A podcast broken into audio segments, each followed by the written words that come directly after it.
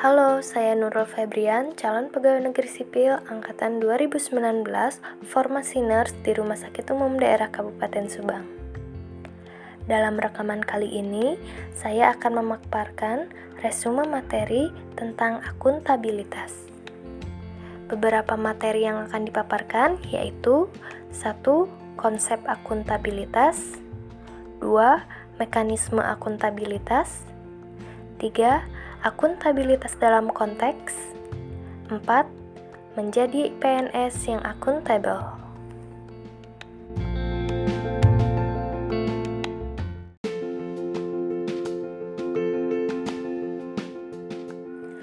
Konsep akuntabilitas Dalam banyak hal, Kata akuntabilitas sering disamakan dengan responsibilitas atau tanggung jawab. Namun pada dasarnya, kedua konsep tersebut memiliki arti yang berbeda. Responsibilitas adalah kewajiban untuk bertanggung jawab, sedangkan akuntabilitas adalah kewajiban pertanggungjawaban yang harus dicapai.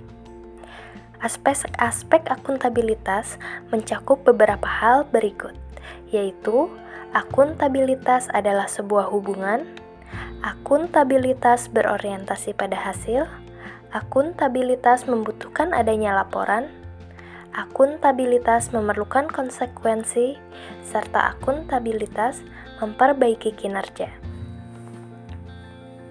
Akuntabilitas publik memiliki tiga fungsi.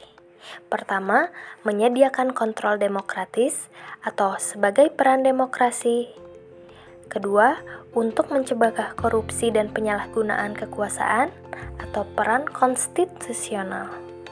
Ketiga, untuk meningkatkan efisiensi dan efektivitas atau peran belajar.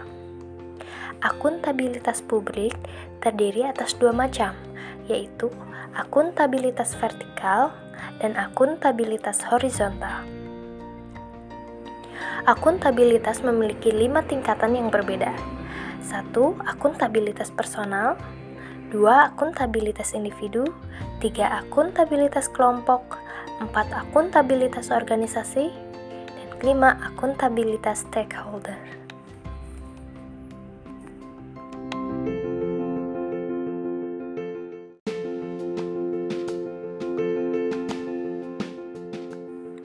Mekanisme akuntabilitas setiap organisasi memiliki akuntabilitas tersendiri. Mekanisme ini dapat diartikan secara berbeda-beda dari setiap anggota organisasi hingga membentuk perilaku yang berbeda-beda. Contoh, sistem penilaian kinerja, sistem akuntansi, sistem akreditasi, sistem pengawasan, dan lain-lain. Untuk memenuhi terwujudnya organisasi sektor publik yang akuntabel, maka mekanisme akuntabilitas harus mengandung tiga dimensi, yaitu akuntabilitas kejujuran dan hukum, akuntabilitas proses, akuntabilitas program, dan akuntabilitas kebijakan. Akuntabilitas tidak akan mungkin terwujud apabila tidak ada alat akuntabilitas. Di Indonesia, Alat akuntabilitas antara lain perencanaan strategis, kontrak kerja, dan laporan kinerja.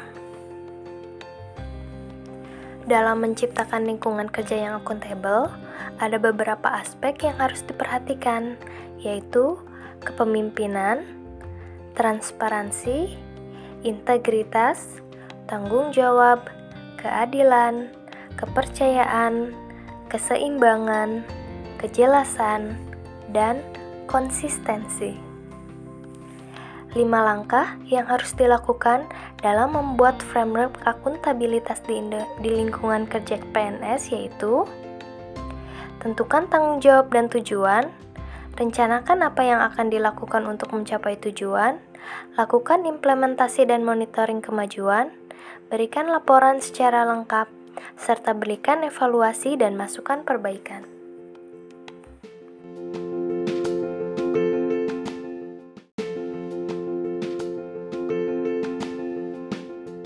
Akuntabilitas dalam konteks Ketersediaan informasi publik telah memberikan pengaruh yang besar pada berbagai sektor dan urusan publik di Indonesia.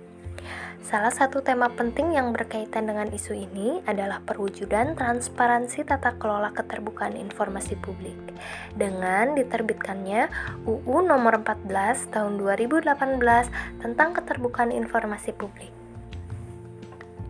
Keterbukaan informasi memungkinkan adanya ketersediaan informasi berdasar pada beberapa prinsip, yaitu maksimum access limited exemption, permintaan tidak perlu disertai alasan, mekanisme yang sederhana, murah, dan cepat, informasi harus utuh dan benar, informasi proaktif, serta perlindungan pejabat yang beritikat baik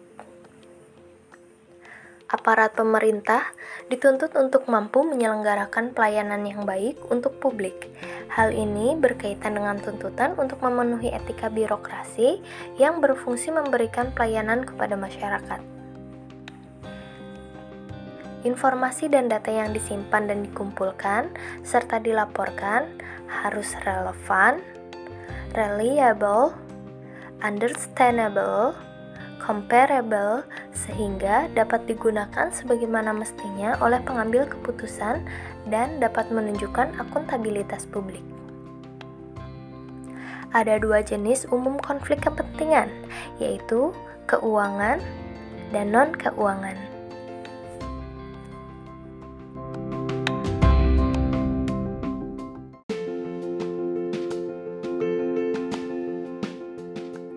Menjadi PNS yang akuntabel.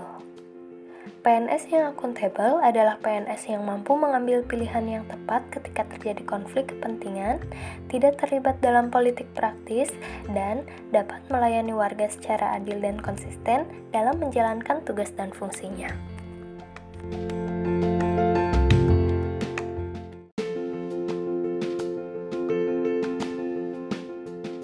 Demikian resume akuntabilitas saya Nurul Febrian, calon pegawai negeri sipil tahun 2019. Mohon pamit.